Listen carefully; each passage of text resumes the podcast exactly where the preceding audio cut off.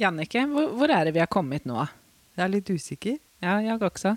Det er et stort rom, Ja, og vi har fått besøk. Nei, vi er på besøk. vi er på besøk. For jeg skal spørre Jeg må få litt informasjon om hva jeg kan fortelle de gravide når de stiller meg spørsmål om hva man skal ha på den lille babyen.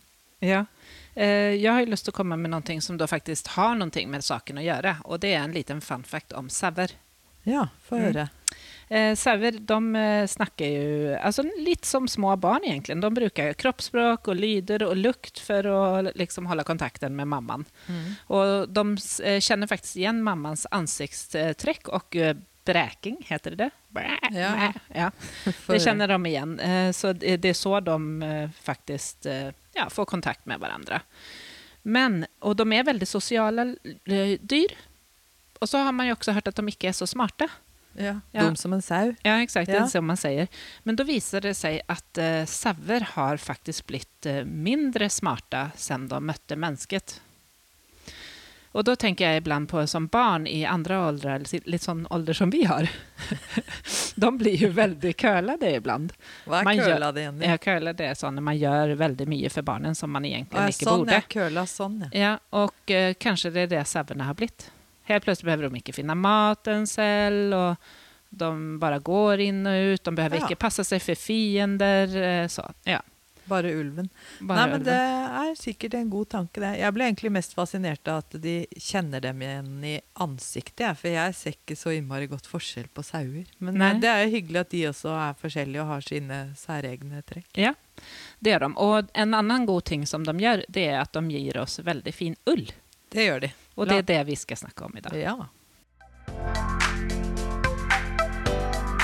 Du lytter nå til Jordmorpodden, en podcast om alt mellom himmel og helvete. Her skal du få klar tale, kjerringråd, vi skal ha fagdiskusjoner, og vi skal dele erfaringer og opplevelser.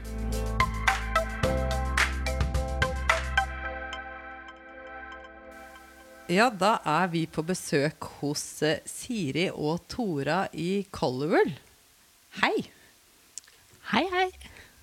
Hei, hei. Så hyggelig at vi får komme til dere, for det er så mye jeg trenger informasjon om som jeg kan gi videre til de gravide.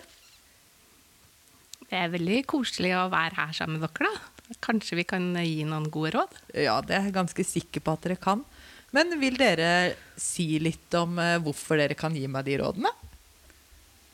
Ja, vi er jo kaller oss for ullentusiastene. Ja, ikke sant? Fordi vi starta Colorwool i 2015, for da hadde vi jobba veldig mange år i finans. Og så var vi veldig glad i ull, og så tenker vi nei, nå må vi gjøre noe annet som vi syns er gøy. Og da startet vi Colorwool, som er da en nettbutikk, norsk nisje-nettbutikk med bare ull.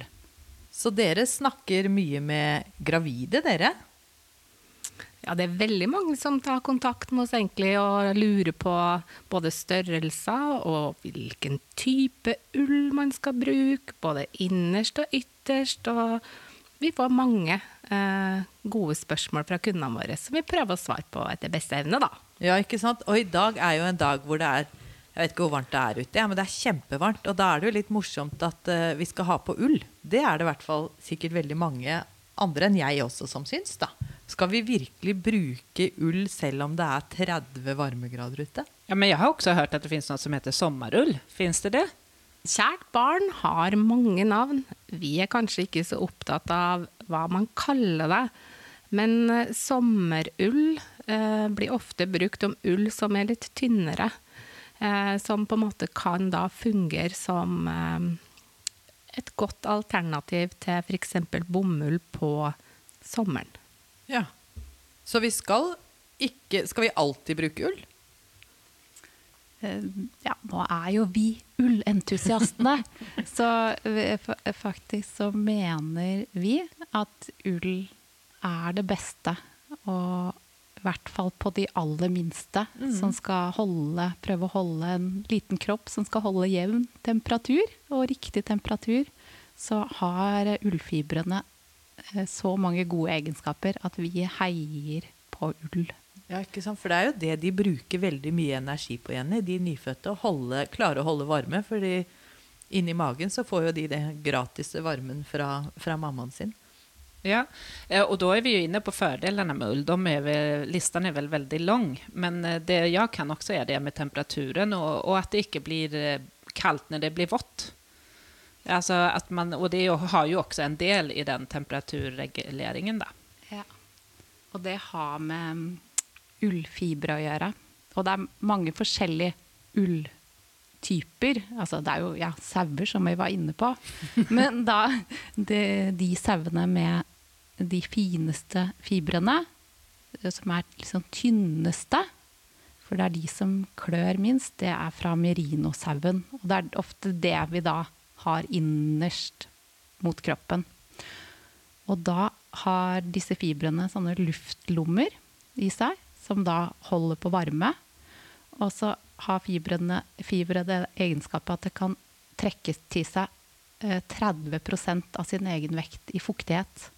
Som gjør at man ikke føler seg klam. Altså fuktigheten går inn i fibre og transporteres ut fra kroppen.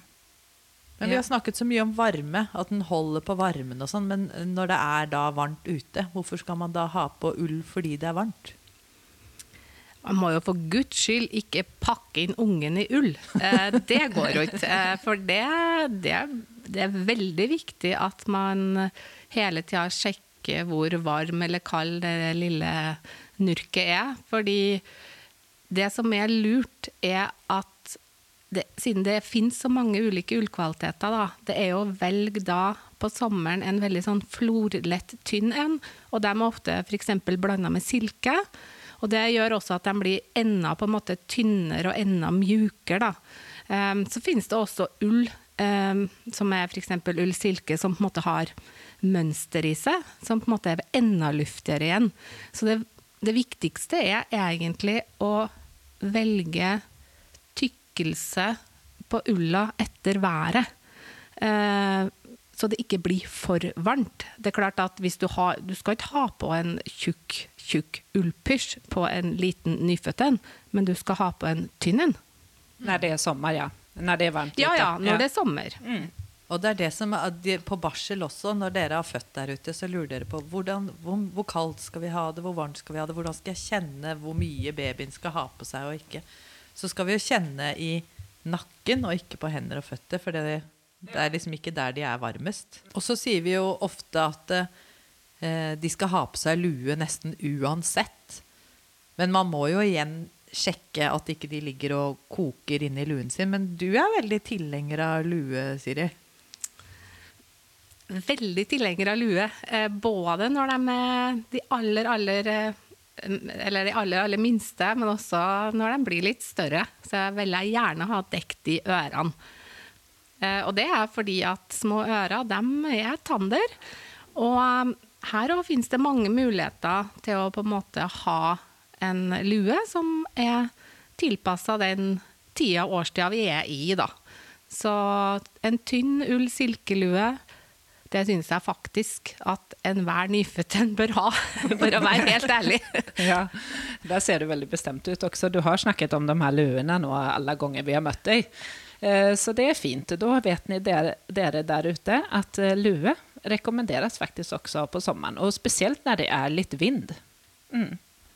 Men eh, alle bør ha. Det er så mange sånne ting som eh, eh, dere der ute får vite at ah, dette må dere ha, dette må dere kjøpe før babyen kommer. Eh, hvis dere skal ta en nyfødt og hva man trenger til sin nye baby, eh, egentlig når som helst på året, da, ikke bare på denne varme sommerdagen, hva er det man virkelig trenger? Ja, det snakker vi om eh, hver dag på pakkedisken. Nei da. Men da, vi tenker to ullpysjer kanskje er fint å ha. Så du kan bytte på. Skriv ned. Eh, lue. Kanskje en tynn og en litt tykkere. Eh, Omslagsbody det er kjempefint til de aller minste. Altså, da slipper man å dra en body over et lite hode. Man knepper den på framsiden. Så kanskje holder med to omslagsbodyer. Og så til de minste en bukse med fot. Fordi beina er så små. Så det er, vans det er vanskelig med sokker. Men Ja, Dropp de sokkene, tenker jeg. ja, Ja.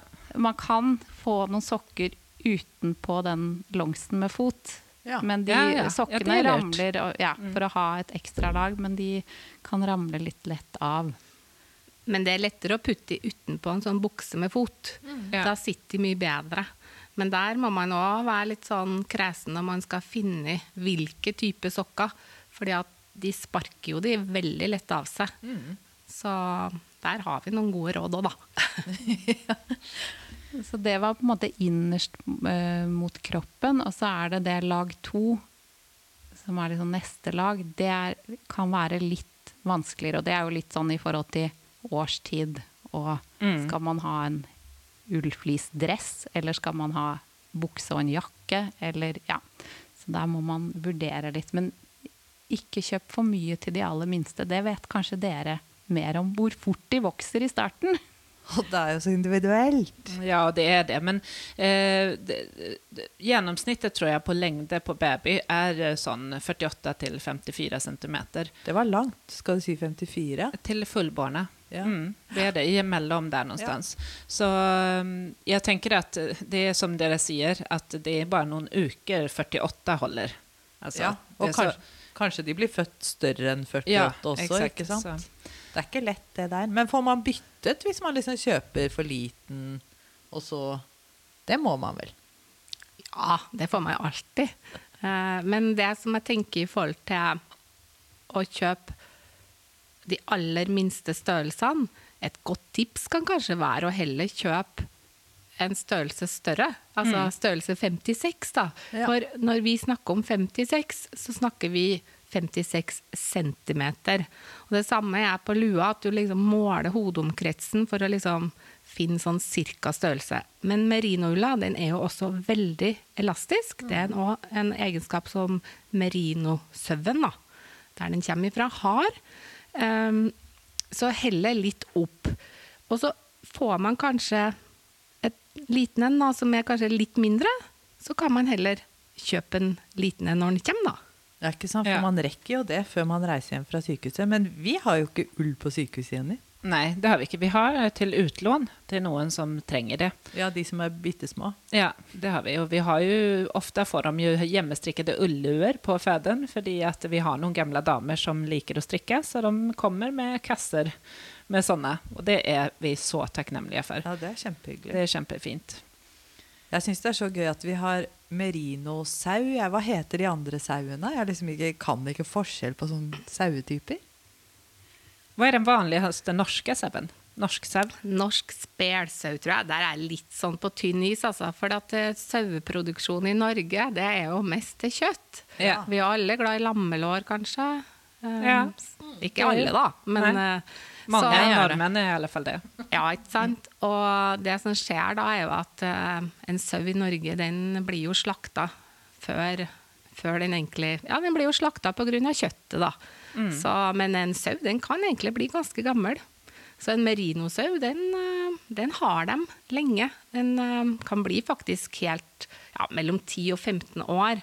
Eh, og de bruker den, de klipper den hvert år. Og det var en som Bare én gang i året. ja, det gjør de. Og det kommer litt an på hvor den merinosauen bor, da. Når på året de klipper den. For de klipper den før det blir for varmt for den òg. For den har jo, kan jo produsere opptil 40 Jeg tror rekorden er på 42 kilo ull per sau Oi, per år. Det er så mye. Og ull er jo så lett. Tenk deg det. 42 kilo. Tungt å bære, tenker jeg. Den må se kjempestor ut, den sauen. Ja, det var en som hadde gått seg vill en, eh, en gang. Uh, ja. Den så vi i media, tror jeg. Gjorde vi ikke det? En sånn Ja. stor en. Stakkar, sier jeg bare. For Ja. den må klippes, altså. For den hadde Den trenger seg en klipp, for å si det sånn. Jeg tenkte, vi, vi snakket litt om fordelene, vi har vært igjennom noen. Men er det noen flere fordeler dere vil trekke frem eh, til de aller minste barna, altså de nyfødte? Ja, når du driver med ull, vet du, så blir det jo helt sånn eh, Ja, alt. Ja. Nei, det er jo mange fordeler med ull. Det som kanskje er litt sånn smart å tenke på, da, er jo at uh, du trenger ikke å vaske ull så ofte. Nei, det tenkte jeg på. Det er eh, på en måte selvrensende, som det heter. da. Men det er klart at hvis du har ammeinnlegg i ull, eh, og du har mye melk, f.eks., så blir jo det søkkbløtt. Og da må det vaskes. Men vi har det som kanskje er, er lurt å tenke på da, da hvis du bruker ammeinnlegg i ull, som er en fin ting for deg, da, eh, er at du kan De fleste har en sånn lomme, så du kan ha sånn papir... eh, Så Det er som en tøybleie. Ja, ja, det er tøybleie, eller det der innlegget på BH-en som uh, de uh, jentene som noen vi kjenner, som liker nå å ha liksom litt uh, større når Pupper, man ja. starter med pupper. Ja. Mm. Ja, de som alltid krøller seg i vask. Jepp. akkurat da, Jannicke.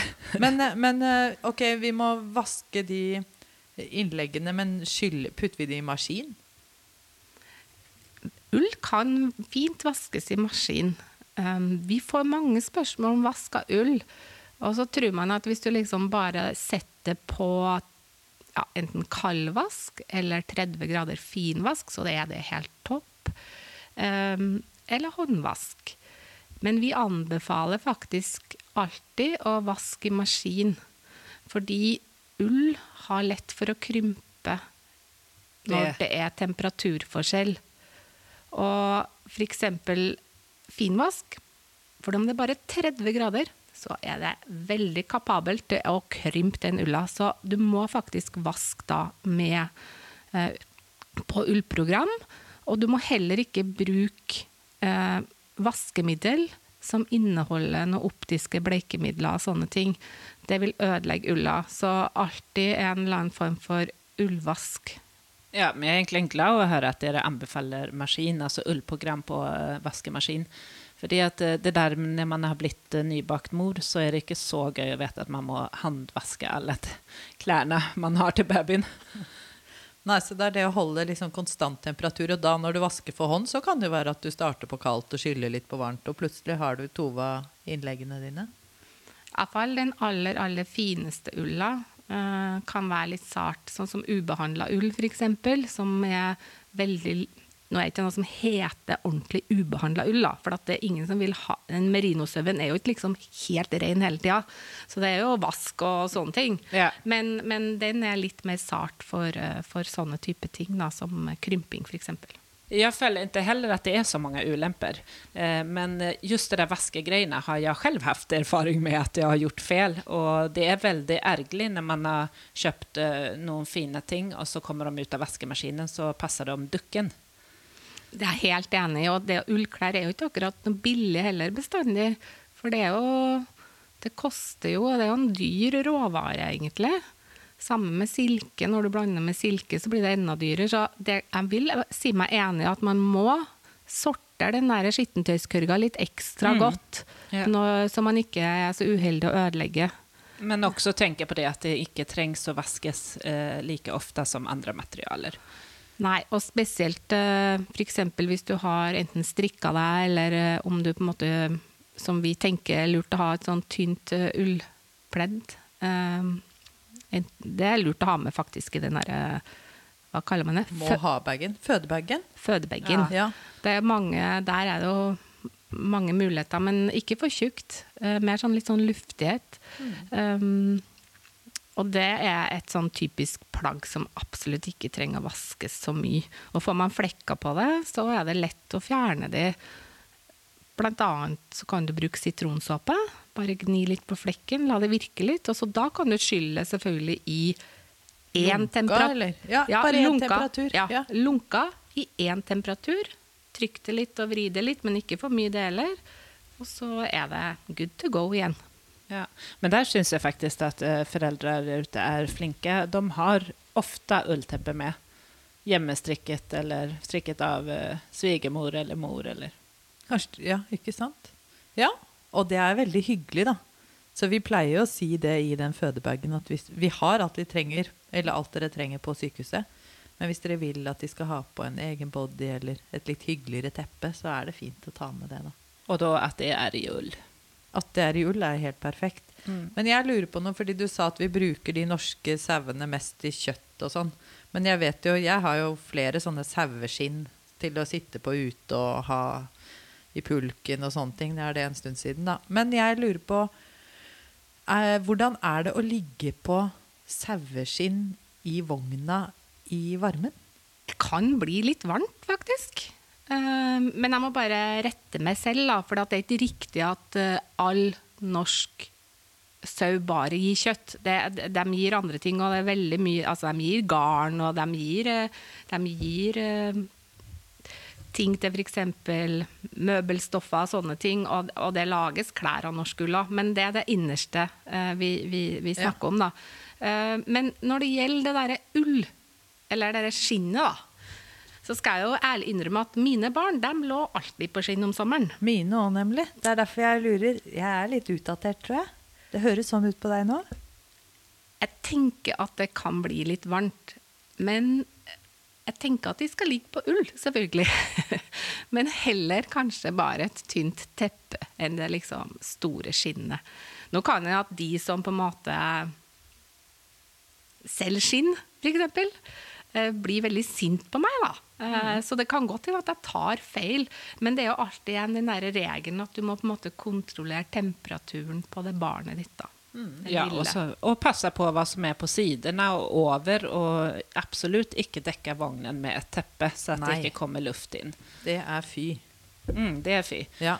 Og så har det jo mye å si om babyen ligger nedi den der vognbagen, eller sånn at det er litt sirkulasjon i luften, eller ikke blåser, eller gjør det ikke. Ja. Men jeg tenker også at det kan bli litt varmt. Så Jannicke, det er et under at det Nei, nå skal jeg ikke gå dit. Du Det er et under du at er- mine barn fortsatt har det bra. Ja. Det er det du tenker.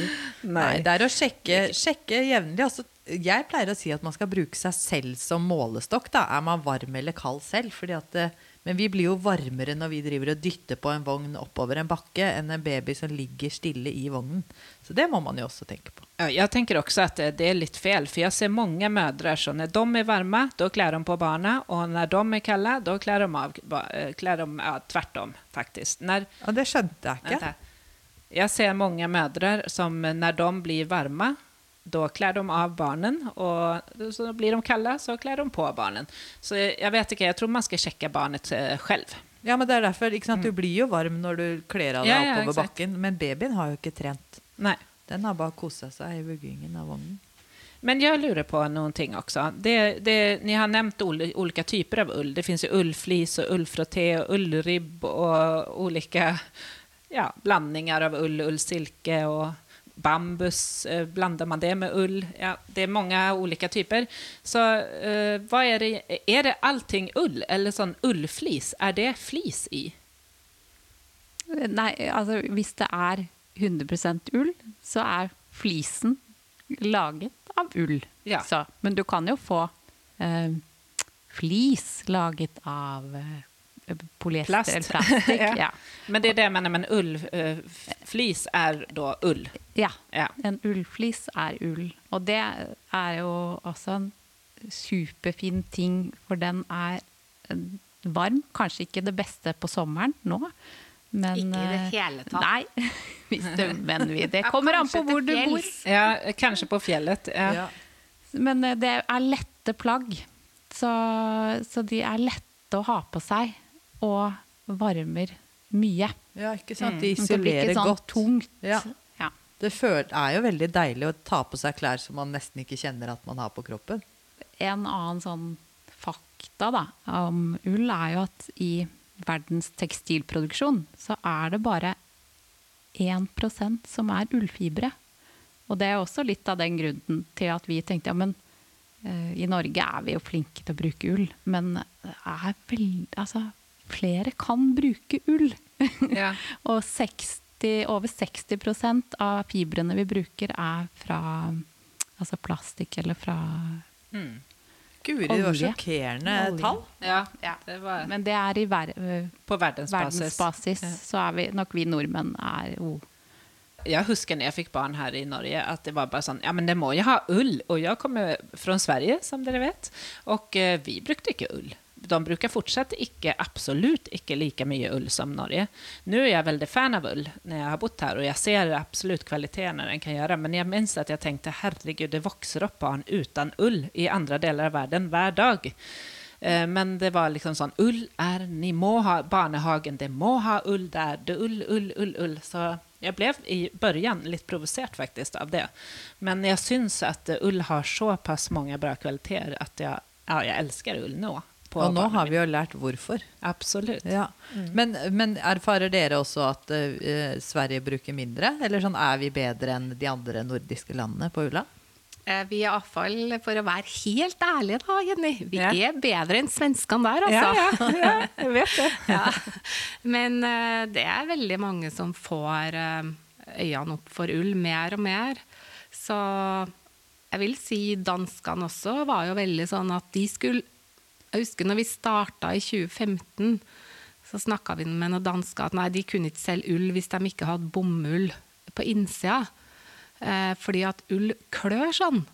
Ja. Og det tenker jeg at det stemmer jo faktisk ikke helt, da. Men det med ull og kløe, det får vi en del spørsmål om, faktisk. Og spesielt òg kanskje de aller minste som har sånn atopisk eksem, eller veldig sånn det ja, litt sart si hud. sart hud, Ja. da. Um, og da har det heldigvis kommet på markedet nå ull som har da bambusviskose innerst. Det er jo viskose. Um, er det jo- silke? Nei, det kommer fra tre. Det er Ja. trefiber, da. Og det er veldig prosessert og ganske sånn lite snill pro altså prosesseringsprosess, men det har noen gode egenskaper. Annet at det er veldig glatt, og så trekker det til seg også fukt, men det varmer ikke noe særlig. Så det man gjør da, eh, er at man putter et sånn tynt lag med bambusviskose innerst på ulla, og så på en måte tar man da det et lag til utenpå, som er tynn ull. Og det har vi testa eh, på, på barn som har eh, atopisk eksem, og det fungerer bra. Så det er et sånt tips hvis du på en måte må kanskje se deg litt omkring. Du får beskjed at liksom, nei, du kan ikke ha ull rett på kroppen, og barnet har ubehag av det. Så er ull bambusviskose det er i hvert fall vi anbefaler. Før ull bomull, da. Men her er jo sikkert eh, de der barnelegene som på en måte driver med det her, de har sikkert også egne meninger. Men vi har i hvert fall testa det ut selv da, på barn med atopisk eksem. Jenta mi hadde. Og hun kunne ikke bruke ren ull på kroppen, men hun tålte ull bambusviskose. Og så ser jeg nå at det har hun vokst av seg. Så nå bruker hun ull rett på kroppen. Så det er ikke noe som varer evig nødvendigvis heller, så man må teste etter hvert. Fordi det er klart at det er bedre å ha ren ull innerst. Men det er en veldig, veldig god erstatning hvis barnet ikke tåler det. Mm. Jeg husker jo selv, jeg har ikke atopisk eksem, men eh, jeg husker at jeg klødde når mamma kledde på meg ull. Men vi produserer det kanskje på en litt annen måte nå enn vi gjorde da jeg var liten. Ja, jeg tror ikke vi hadde de der fine merino-ullplaggene hvor fibrene er virkelig tynn, tynne og fine og klør ikke. Vi snakka litt sånn om å ta vare på ulla og vask og sånn, og så er det én ting vi driver et opplysningsarbeid omkring, og det er noe som Majorstubillen. Okay. Som man må- være litt obs på. Eller brun pelsbille, som det heter. For det, nå Det fins ute i naturen, og det er blitt mer og mer vanlig. Det ble først liksom, mye av det på et studenthjem på Majorstua. Så det er derfor det heter Majorstubillen. Men det er altså en pelsbille som også er veldig glad i ull. Altså den spiser alt støv og matrester og sånn, men de, nå på sommeren kan de fly inn av vinduet eh, i tettbygde strøk. Og så er de mm, da sånne små larver i starten. Æsj. Og mm, kan da kose seg med de fineste tynne ull-silkeplaggene man har. Så hvis man da vasker ull, og så plutselig er det små hull i ulla, så er det ikke vaskemaskinen. Da må man sjekke, støvsuge ullskuffen og gå gjennom. eh, og Ja. prøve å bli kvitt de. Så Ja. ha, vi anbefaler å ha litt lavendel sammen med ullklærne. For den liker ikke lavendel, den? Nei, at den lukta altså Det lukter jo mye av lavendelen, så at det, det holder de litt unna. Men det beste er å, å være litt obs på der hvor man har ullklærne, og, og støvsuge litt jevnlig. Og sjekke over. Men den er ikke farlig for eh, barnet. Fordi jeg tenker sånn Å, nå er det sikkert noen som hører bare Å, vi kan ikke ha ull, for da får vi majorstubiller på barnet. Eller jeg Nei, tenkte den er ikke farlig i det hele tatt. Det er, den er ikke noe Nei, den er ikke farlig, men det er bare så utrolig leit, da, hvis klærne blir ødelagt. Ja, det er jeg enig i. Men jeg som er litt sånn glad i hage, da. Det er ikke sånn at du skal gå ut nå og ta og så rive av lavendel hvis du har det. Eh, Det må tørkes og puttes f.eks. i en liten pose som Ja, det kan være f.eks. hvis du klipper av en sånn strømpebukse nederst eller noe sånt, og så knyter du den. Trenger ikke så veldig mye heller, fordi at det lukter så sterkt. Um, en sånn liten pose, da. Eh, Du kan også kjøpe det. Tørka lavendel. Og lage selv, da. Og putt en sånn liten eh, pose der du har ulla di, da. Og jeg skal bare si én ting til, og det er at vi heier på de som på en måte klarer å planlegge litt. Ikke sant? At du kan kanskje gjøre en god deal og kjøpe billigere ull. eh, F.eks. når det er på salg, da. Men da er vi jo veldig opptatt av å spre det der budskapet da, som en sånn ullgerilja at skal du lagre ull, så hold ikke bare med plastikk. Du må ha lavendel sammen med ulla. Fordi dere pelsbillene, de finner veien til det beste. Så sånn er det. Ok. Så ikke noe fin ull på lager uten lavendel. Nei. det stemmer. Jeg, jeg sitter og tenker også på om det er noe vi ikke har vært igjennom. Och eh, det er f.eks. prematura. Eh, det tenker jeg også, de har jo også veldig sart hud og sånn, Men er det anbefalt med ull på prematura også? Vet dere noe om det? Ja, ull til premature er kjempebra. Og nettopp dette for å, at de ikke skal bruke så mye energi på å holde varmen. At de da kan bruke energi på andre ting som er viktig når man er så liten. Så ull eh, anbefales eh, til premature. Og det er gjort noe forskning på det også. Um, Ja, men det är fint och det gör vi ju också på sjukhuset och eh, speciellt på nyfött intensiv så har de ju ulluer, och de ligger i ull. Eh, du har också ett sånn sån eh, ulllakan och dyneträck eller något sånt som du eh, syns är väldigt fint Siri. Ja, vi, vi har jo vår egen ull. Vi er jo litt sånn privilegert, for etter noen år eh, med, siden vi starta Colorwool, så laga, begynte vi å lage vår egen ull. Og da er jo veldig glad i at man ikke skal bare kunne få et sånn sengetrekk i bomull, så vi laga da et i ull. Og det har jo akkurat de samme egenskapene, det, og det er kanskje mest praktisk når eh, på en måte posen eh, går av i vogna, f.eks. Eller inn eh, når, når det er litt kjølig på soverommet. Men det er òg et sånn Hva skal jeg si?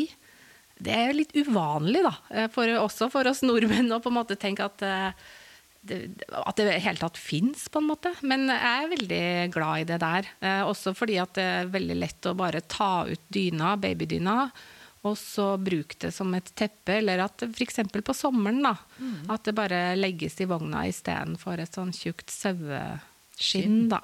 Men eh, Jeg syns ja. det låter veldig deilig. Produserer dere på, til voksne også? Hva er mitt spørsmål da? Vi skulle altså gjerne ønske at vi kunne det, men vet dere at det, det blir bare så dyrt. Ja. For ull er, det er så dyr råvare at det, det tror jeg liksom Vi skulle ha gjerne gjort det. Jeg skulle ha gjerne hatt det selv. Eh, men dessverre så kan ikke vi gjøre det, for at det blir for dyrt. Ja. Tenk så Men- flott da med en sånn der edderdunsdyne som er kjempedyr, med sånn ulldynetrekk utenpå. Det blir dyrt. Men et tips med det dynetrekket, da, hvis man handler det, så kan man bruke det som sånn hotellpute når babyen er vokst ut av det. Ah, bra tips. Jeg liker sånne greier som man faktisk kan gjenbruke, eller bruke igjen, bruke til noe annet. Og det er også veldig fint å gi bort. Alle blir jo glad for ulltøy. Ja, det tror jeg. Men eh, hvis vi skal oppsummere, så tenker jeg at vi har i hvert fall fortalt eh, dere hva som er fint å ha. De, dere trenger ikke så veldig mye, men de få tingene som var eh, en tynn og en tykk lue, et par omslagsbodder, en pysj Eller to. eller to, ja. Og så sokker. Nei! Det var det de ikke jo, var. jo, sokker må man ha. Og det er, det er, det er Jeg lever jo for eh, å på en måte predikere det med lua, men jeg lever òg for at de skal ha varme tær. Eh, og det tenker jeg spesielt hvis man bruker bæresele, sånne type ting, at man må passe på de små tærne også. Ja, man ser mange sånne føtter som henger ut fra bæreseler, som er litt dårlig kledd. Det gjør man. Men da er det lettere å feste de sokkene hvis du har en sånn uh, bukse med fot på under, da. Mm. Det har vi lært nå. Og så et tynt ullpledd, kanskje. Og så snakket dere om en sånn dress eller todelt. Jeg syns alltid det var fint med, som lag to, da. Med en dress. Det er jo superlett. Det går mye fortere å kle på barna. Du putter de liksom bare i den derre dressen. Og så ned i bilstolen eller vogna, så løper man ut. Ja, nei, det, jeg, er litt enig med deg, Jannicke. Uh, og det er en av liksom Vi selger mye av dresser med glidelås også. For da er det lett Altså det er mye som skal skje. Uh, man skal kle på et barn og kanskje komme seg raskt ut, og da bare rask glidelås Ja. og inn. Ja, men Vi får også spørsmål veldig mye om liksom, skal jeg ha med hette eller uten hette. ikke sant? Og da er det sånn Det er jo ikke noe svar, direkte svar på det, men for de aller, aller minste, som på en måte da ja, ligger litt i ro, da, kan du si, så anbefaler vi ofte å ha en hette. For da trenger man på en måte Det er lettere å regulere, da. Kan man ta den av, eller ha den på, eller ha en tynn lue, eller tykk lue. Ja. Ja, og så er det jo også det derre Tenk å ha på Husker du når vi gikk rundt Det kan jo være noen av dere har sånn nå fortsatt. Men sånn derre onepiece, det er ganske stygt på voksne, syns jeg. da Men det er jo ganske deilig å slippe den derre strikken på magen fra buksa og genseren også. Eller at genseren sklir opp, og man må... Ja. Og buksen ned. Ja, nei, vi, vi ønsker oss en sånn der onepiece i ull. Det er, vi, det er et merke vi har som har det. Så jeg tror, Siri, nå til vinteren så må vi skaffe oss en sånn når vi er på lageret og det er litt kaldt. Ja. Da vil jeg komme og ta bilde. ja, jeg gleder meg til neste gang vi skal komme på vinteren. Ja da, eh, jeg er med på en onepiece, for det er ganske kaldt på det lageret vårt. Så OK, da. Nej, och, så, och så det att man kan bruka tynn ull uh, också på sommaren. Mm. Det har vi fått å vite i dag. Og jeg må bare si at jeg har faktisk på meg både ull-BH og ulltruse i dag. Jeg er blitt helt uh, rar, vet du. Men det, det er liksom det som jeg syns er best å gå i. Ja. Så jeg plukker det. Det er jo helt fantastisk. Det høres jo veldig deilig ut å ha på seg en ullunderbukse, liksom. Jeg vet ikke. Jeg er ikke helt der. Men uh, jeg kanskje kan bli. Ja, vi skal prøve å omvende deg. Tusen takk for at vi fikk komme til dere, Tora og Siri på Kallewool. Uh, vi snakkes sikkert igjen. Tusen takk for at vi fikk komme. Tusen takk. Dere er uh, så bra. I like måte. Ja, det var en hyggelig prat, Jannike. Lærte du noe? Jeg lærte masse. Ja, jeg tror jeg skal, jeg skal bli Jeg er jo Alle er, vi er jo fan av ull. Det Ja, jeg er superfan. Ja, ja, absolutt. Det er det. Min sønn er ikke så fan av ull, men jeg tvinger ham Men, iblant. men hvis, det, det kunne jo vært hva som helst ellers også. Ja, absolut. Det er det det er. Eh, vi tenker jo også at eh, i fødebagen, som vi snakket om, er det veldig fint å ha noen ullplagg til nyfødte barn og et ullpledd. Mm. Eh, Vi har jo en, et kurs, et online-kurs som heter Trygg til fødsel', der vi går igjennom litt hva vi syns at man eh, kan ha med i fødebagen. Ja, vi har til og med en video hvor vi pakker en fødebag sammen med dere. Men jeg tror ikke vi har noe ull i bagen, Jenny. Jo, vi har et ullteppe og vi Ja, vi har har ullbodde. Ja, da, ikke oroa deg, Jannike. Nei. Vi har gjort det riktig. Ja, men det er bra. Jeg tenker at resten av kurset vårt er også veldig riktig, Jenny. Og det er veldig fint å få med seg før fødsel. En fødselsforberedelse som absolutt er verdt det. Litt videoer, litt tekst og litt lydfiler. På tryggtilfødsel.no så finner dere kurset vårt. Ja. Det ligger også i link i bio og på Instagrammen. Ja. Bruker dere koden SVK20, så får dere 20% på kurset. Ja. Tusen takk til deg, Jannike. I like måte.